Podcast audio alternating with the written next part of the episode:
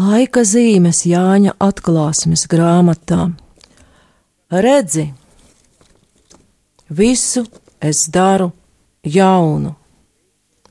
Ēterā atkal ir stēla, un turpināsim ielūkoties laika zīmēs Jāņa atklāsmes grāmatā, un šodien pievērsīsimies nākamajam septiņu redzējumu ciklam, jo iepriekšējā reizē mēs runājām par septiņām draudzēm Mazāzijā un sapratām, ka šīs septiņas draudzes ir visa baznīca savā pilnībā līdz laiku beigām.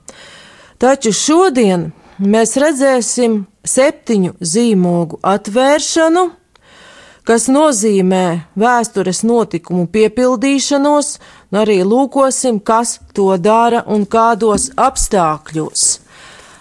Vispirms, kur tad notiek šī septiņu zīmogu atvēršana un kas to veids? Ceturtajā nodaļā atklāsmes grāmatā redzam, ka vizionārs ir aizrauts garā un atrodas paša dieva troņa zālē, un redzam tur visu svēto trīsvienību.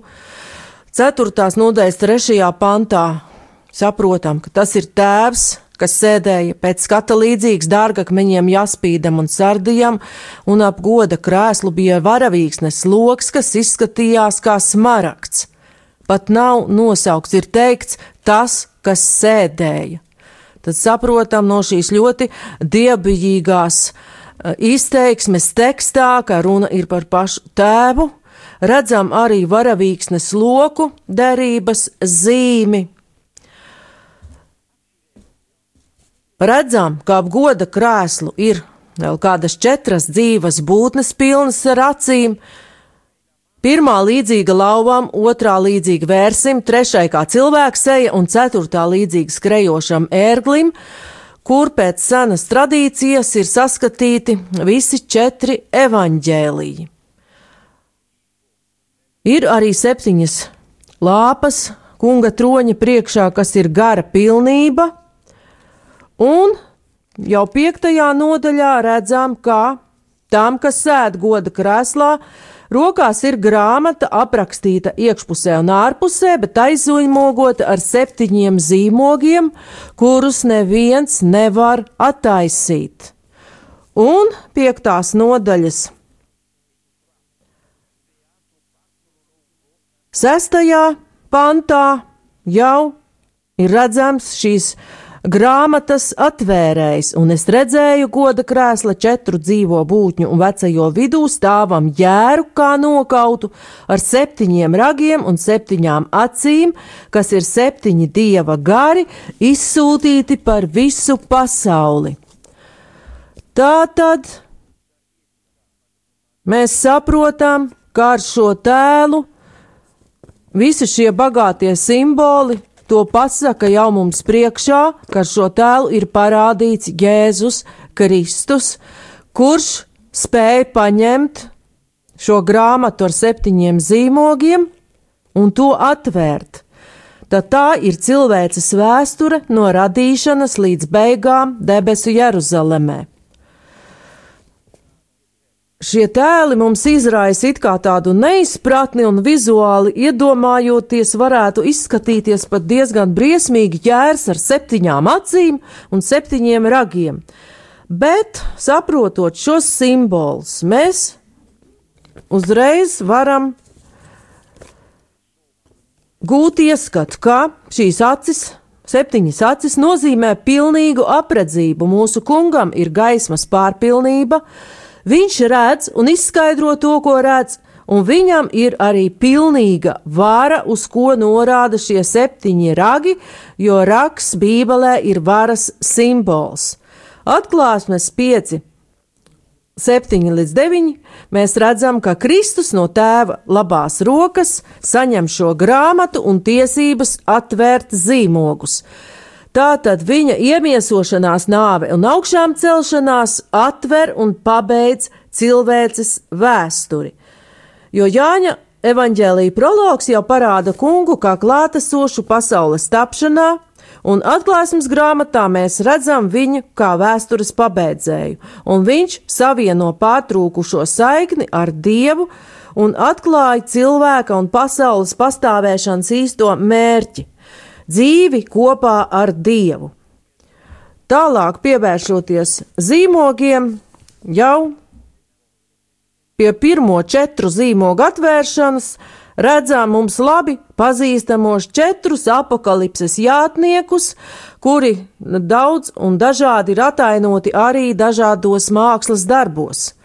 Un šo zīmogu atvēršanu uzlūkot Jāni katru reizi aicina viena no jau pieminētajām četrām būtnēm. Atklāsmes grāmatā sestajā nodaļā, jau pirmā līdz otrā pantam, redzam pirmā zīmoga atvēršanu, un pirmais zīmogs parāda jātnieku uz balta zirga ar vainagu un šaujamo stopu, kurš iziet, lai uzvarētu.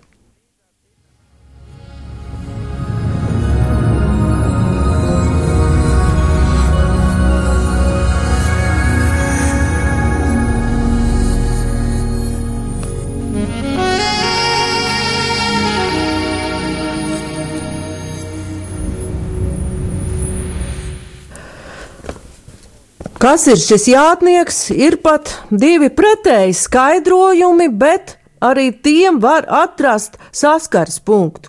Bībeles pētnieks Gregorijana Universitātē Romā Donatiens Mollats četros jātniekos redz dieva nākšanu uz tiesu. Pirmajā jātniekā viņš saskata Kristu un pamato to ar atklāsmes grāmatas 19.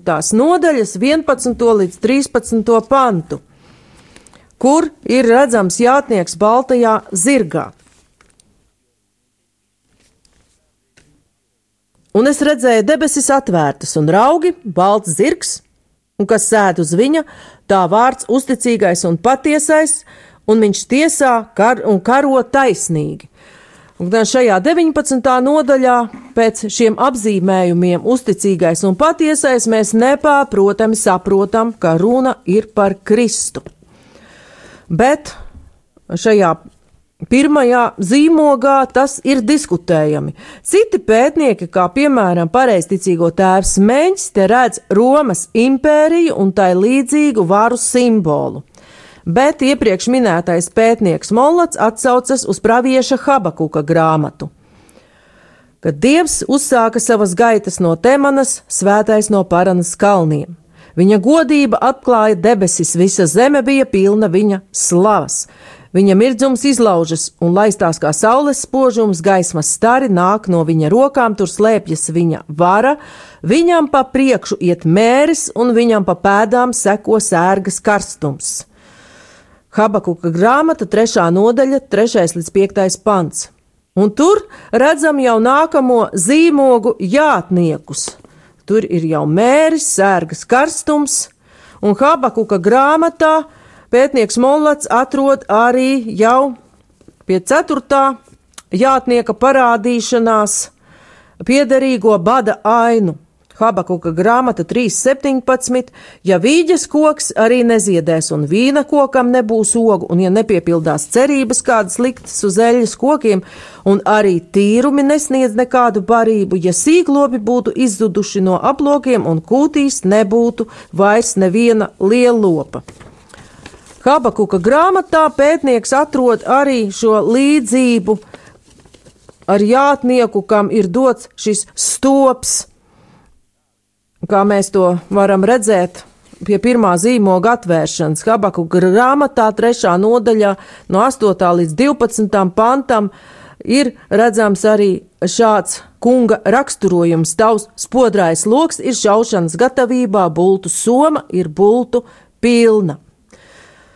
Un vēl uh, cits izteikums - saule un mēnesis paliek stāvam savās māju vietās, kad liesmo tavas uh, liet, lidojošās bultas un mirdz tavs spīguļojošais šķēps. Dusmās tu pārsteigā zemi, pārdzībā tu samin svešas tautas. Tātad pētnieks, acīm redzot, ir saskatījis šos paralēlos attribūtus.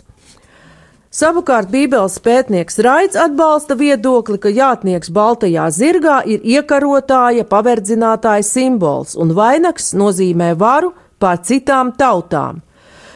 Vēl mēs varam redzēt, lasot par šī pirmā zīmoga atvēršanu, ka raksti saka, viņam tika dots vainags, kas ļauj saprast, ka jātnieks ir tikai dieva kalpotājs un saņem varu no viņa. Tātad, zināmā mērā, abi skaidrojumi pat nav pretrunā. Dievs nāk tiesāt un izmanto šīs impērijas un to varus darbus, lai liktu saprast cilvēkiem savas rīcības sekas, kādas ir, ja cilvēks pats grib iesaisties dieva vietā. Atklāsmes grāmatas 6. nodaļā, 4. pantā, ir redzama otrā zīmoga atvēršana - sarkanais zirgs, kas atņem zemē mieru. Tā tad virs zemes būs kari. Un atkal jātniekam tiek dots liels zobens. Tātad viņš pats to zobenu neņem, viņam tas tiek dots, un Jēzus Mateja evaņģēlijā 24, 6 līdz 8 par šo laiku saka: Bet jūs dzirdēsiet karus un karu daudzināšanu, esiet nomodā, nebīstieties, jo tam jānotiek, bet tas nav vēl gals, jo tauta celsies pret tautu, valsts pret valsti, un būs bada laiki un zemestrīce dažās vietās, bet tas viss būs tikai lielo bēdu iesākums. Pat labāk mēs redzam, ka nepārtraukti norit kari dažādās valstīs, tie nav mitējušies, un valstu centieni tos izbeigt ir nesekmīgi, jo valstu vadītāji un tie, kas spēj ietekmēt viņu rīcību, nespēja savas intereses saskaņot. Un ļoti daudzu kāru cēloņi slēpjas centienos vardarbīgi cilvēkus apvienot.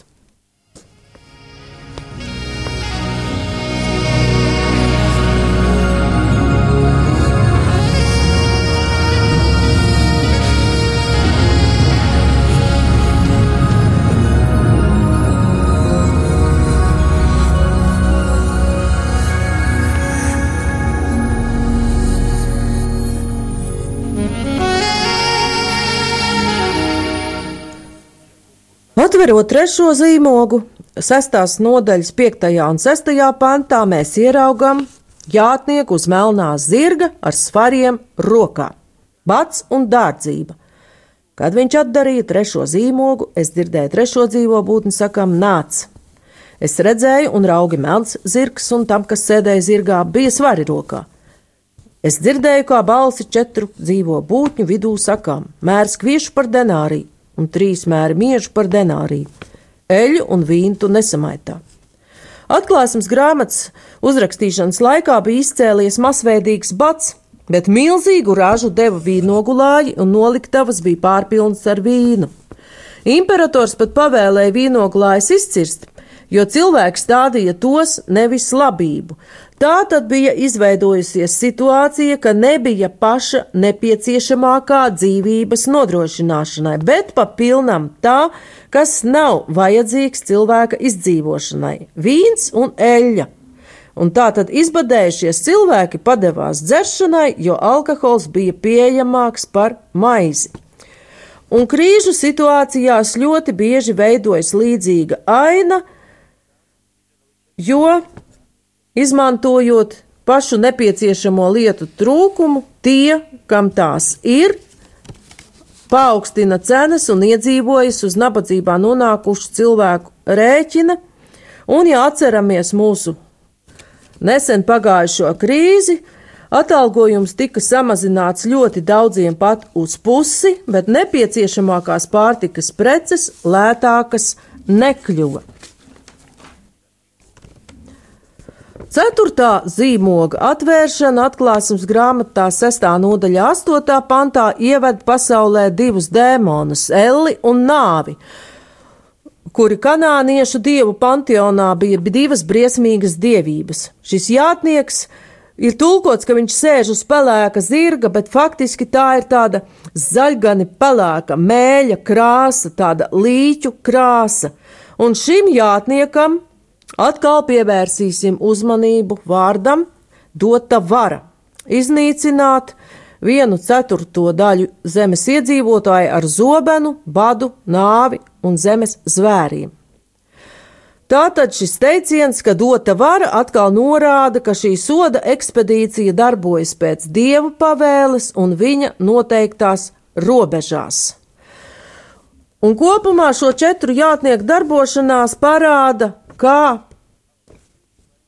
atklājas pats tādu kopā savāktu ar varu saturētu impēriju mehānisms. Vāra tiek sagrābta bieži vien nelikumīgi un brutāli, kā tas notika bijušajā padomjas Savienībā, uzreiz nav pārtikas.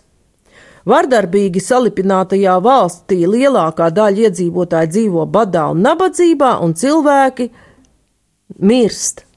Varam te atcerēties diktatora Staļina izraizīto Golodamoru Ukrainā daudzos izsūtītos un viņu nāves apstākļus. Un Atceramies arī to, ka šī impērija, kuru pieminēja, piemēram, jau visdziļākā būtībā un savā ideoloģijā bija no dieva un viņa likuma atteikusies, un notika tas, par ko kungs ir brīdinājis jau Levītu grāmatā. Un, ja tad vēl jūs man turēsieties pretīm un vēl negribēsiet man paklausīt, tad es jums vēl uzlikšu septiņus piemeklējumus jūsu grēku dēļ, un es jums sūtīšu mežonīgus zvērus, kas aprīs jūsu bērnus un saplosīs jūsu lopus, un jūsu skaitu samazinās, kā jūsu ceļi paliks tukši. Un tālāk šajā Levītu grāmatas fragmentā, kas ir lasāms 26. nodaļā no 21. līdz 28. panta, ir minētas arī maizes trūkums, mēris un nodošana ienaidnieku rokā. Tātad šo četros zīmogos Redzamo četru jātnieku atnestais posts visos laikos ir cilvēka nepaklausības dievam sekas. Mūsu kungs ir devis ceļa noteikumus, un tos neievērojot avāriju cieš gan impērijas, gan tautas, gan katrs cilvēks. Jo, ja cilvēkā uzvar kaut kas, kas nav dievs, tā ir nauda, varava manta, kas, un kas nav saskaņā ar viņa likumu, seko nemieris prātā, Tieksmes karo savā starpā, dieva balss mudina uz labu, bet grēks liek spirināties pretī dieva gribai, un cilvēkā sākas šis karš starp dievu un dēmonu. Seko garīgais bats, jo ne ārēji panākumi, ne turība nevar dievu aizvietot, un viņa dāvanas. Un, ja šis bats netiek apmierināts ar dievu sniegto barību, seko nāve, ja ne fiziska, tad garīga nāve. Piektā zīmoga atvēršana ļauj skatīt mocekļus, kuru asinis sauc uz kungu. Te šajā atklāsmes grāmatas sestās nodaļas fragmentā no 9. līdz 11. pantam lietoti senie tēli no radīšanas grāmatas 4. nodaļas 10. panta. Bet viņš teica, ko tu esi darījis, tava brāļa asinis brēc uz mani no zemes un tur runa ir par brāļa nogalināto ābelu. Un te norāda pie piektā zīmoga atvēršanas uz noslēpumaino līdzsvara un taisnības likumu, kurš tomēr pastāv visā pasaulē, pat neatkarīgi no cilvēku reliģiskās piederības. Grieķiem tas ir dīkas likums, austrumu tautas to pazīst daudzas kā karmu, mums atmaksas likums ka katrs saņem pēc viņa darbiem, par ko runā arī atklāsmes grāmata tās beigās, 20. nodaļā, 12. līdz 13. pants. Es redzēju mirušos lielos un mazos stāvam goda krēsla priekšā, un grāmatas tika atvērtas. Tika atvērta vēl cita grāmata, tā ir dzīvības grāmata. Mirušie tika tiesāti pēc tā, kas rakstīts grāmatās, pēc viņu darbiem. Jāņem vērā, ka atklāsmes grāmatas sarakstīšanas laikā jau ir bijušas Nērona sarīkotās kristiešu vajāšana 64. gadā, un tie, kas nokauti dieva vārda dēļ, Jāņa redzējumā atdusas zem upura altāra. Un rodas jautājums, kāpēc viņi tā sauc pēc atmaksas, kāda tam ir jēga. Taču jēga ir tāda, ka šis pasaules negods un grēks, kurš viņus ir nogalinājis, joprojām turpinās, tiesa vēl nav notikusi. Šis altārs taču atrodas dieva troņa zālē, kā redzējām iepriekš, un baltās drēbes šīm dvēselēm nozīmē viņu identitāti, viņu skaidrību un uzvaru un šo nokauto dvēseles vēlas pasaules atjaunošanu, ar ko iestājas dieva taisnība. Un kāda ir šī viņa taisnība, mēs redzam Jāņa evaņģēlijā. Un ja kāds manus vārdus dzird un neievēro, es to netiesāju, jo es neesmu nācis pasauli tiesāt, bet pasauli atpestīt. Un tā tad arī šīm taisnīgo dvēselēm kuras līdzīgas Kristum, ir arī Kristus izpratne par tiesu.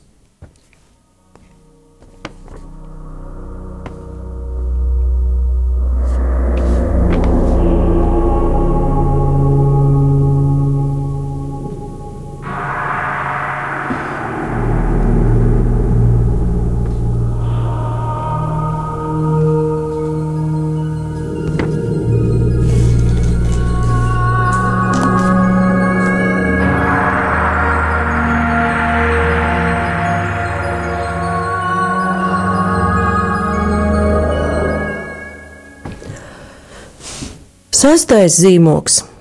Atklāsmes grāmatas 6. nodaļas 12. līdz 17. pantā atklāja grēka sekas pasaulē, un arī ir lietoti vecās derības tēli, kurus redzam Isaija grāmatā 34. nodaļā 4. pantā.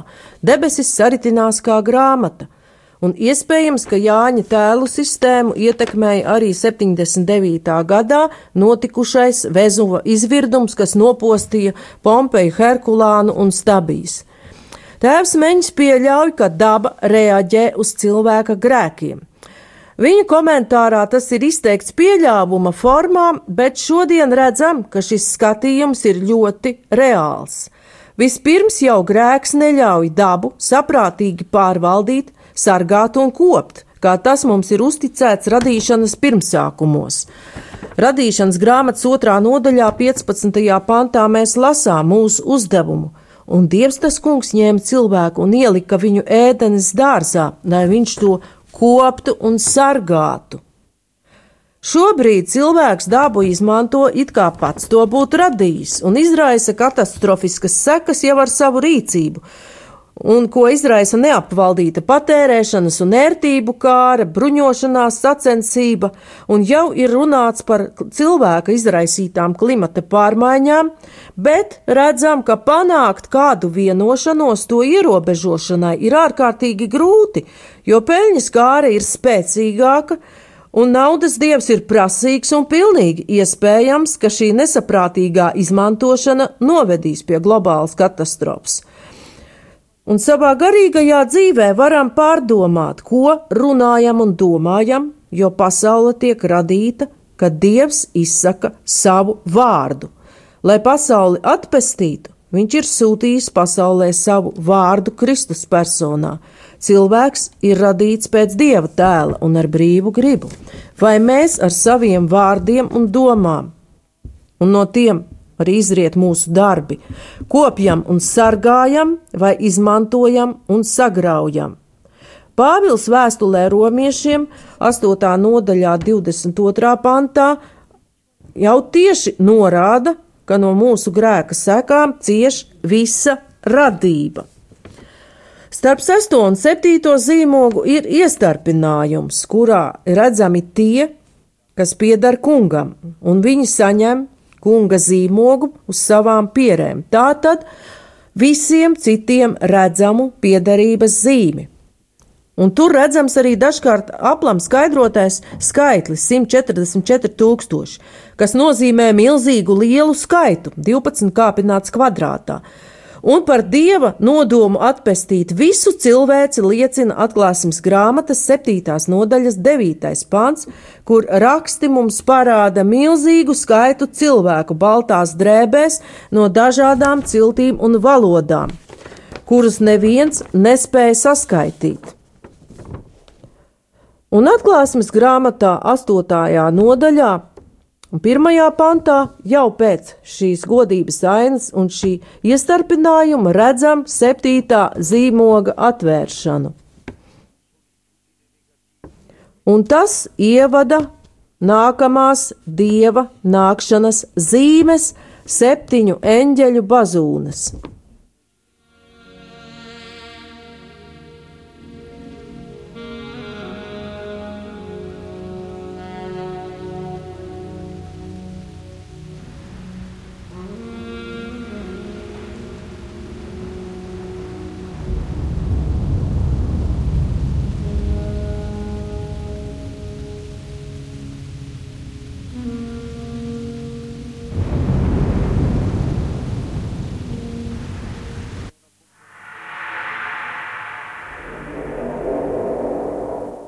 Atverot septīto zīmogu, iestājas klusums debesīs kādu pusstundu, un pēc tam septiņiem eņģeļiem tiek dotas bazūnas. Tā tad atkal ir šī norāde, ka viņi ir dieva pavēles izpildītāji.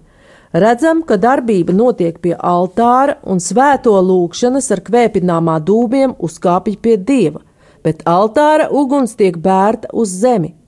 Tas savienojas ar nokauto dvēseli saucienu pēc taisnības. Dievs sūta pasaulē šķīstīšanas uguni no altāra, un tas jau atklāja pārbaudījumu jēgu. Varam saprast, ka svēto arī kunga vārda dēļ nokauto lūkšanas tiek uzklausītas un vērstas uz pasaules atpestīšanu. Nākamie septiņu bazūņu pārbaudījumi izriet no septītā zīmoga atvēršanas. Šī atvēršana tos ievada. Klusums pirms vētras pērkona. Ir septiņas tauras tās pavēsta dieva kā tiesneša tuvošanos, līdzīgi kā Sinaja kalnā pirms likuma došanas mūzumu.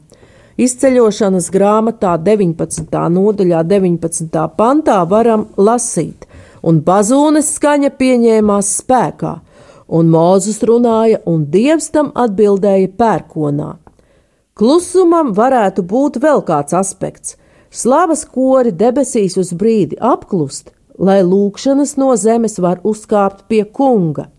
Katrā ziņā epizode liecina, ka svētu cilvēku lūgšanas spēja ietekmēt notikumu gaitu uz zemes.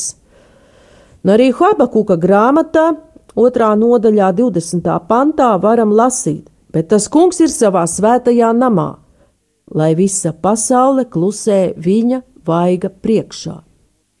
Puse no stundas ir lūzuma, krīzes un nelīdzsvarotības zīme. Pietrūkst kaut kā. Dievs nāk savā dienā. Ir krīzes moments un lūzuma punkts, kurā jābūt nomodā.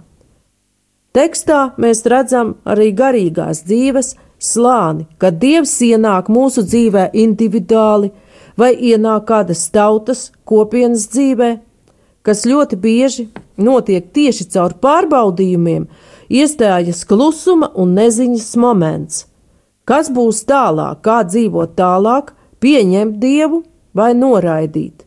Nereti Dievs veido šīs krīžu situācijas, tādas, ka iet pretī viņa atnākšanai ir vienīgā loģiskā rīcība. Un šādu situāciju mēs varam atcerēties no barikāžu laika 1991. gadā, kad arī bija it kā šis puslaiks, neviens nezināja, kas būs tālāk, un vienīgā loģiskā izvēle bija tautai būt vienotai un iet pretī šai dieva atnākšanai, kas atnesa mums brīvību, bet tālāk jau bija mūsu izvēle, ko mēs ar to darīsim.